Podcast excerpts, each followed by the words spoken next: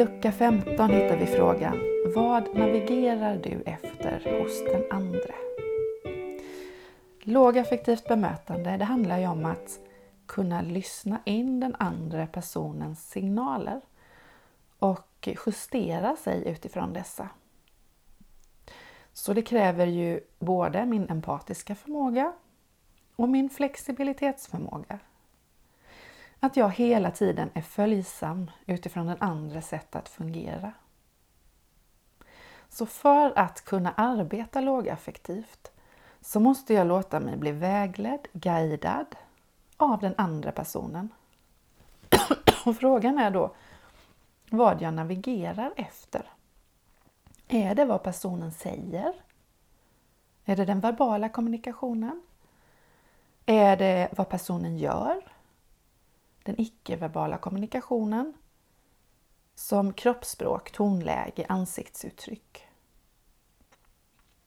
När vi navigerar med karta och kompass så underlättar det ju om vi vet vad de olika symbolerna och pilarna betyder. Så för att kunna hitta rätt så krävs det ju också en eh, underliggande kunskap om vad man har framför sig. Där kommer ju kunskaper om olika sätt att fungera, om funktionsnedsättningar in. Där kommer också kunskaper om hur stress påverkar oss in. Och när vi arbetar lågaffektivt så tar vi också på oss ett par glasögon när vi använder kartan och kompassen. Och det är ju de glasögonen som ger oss utgångspunkten att människor gör rätt om de kan.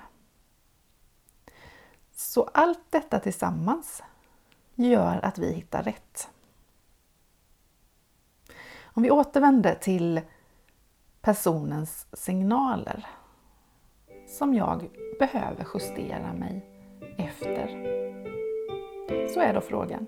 Vad navigerar du efter hos den andra?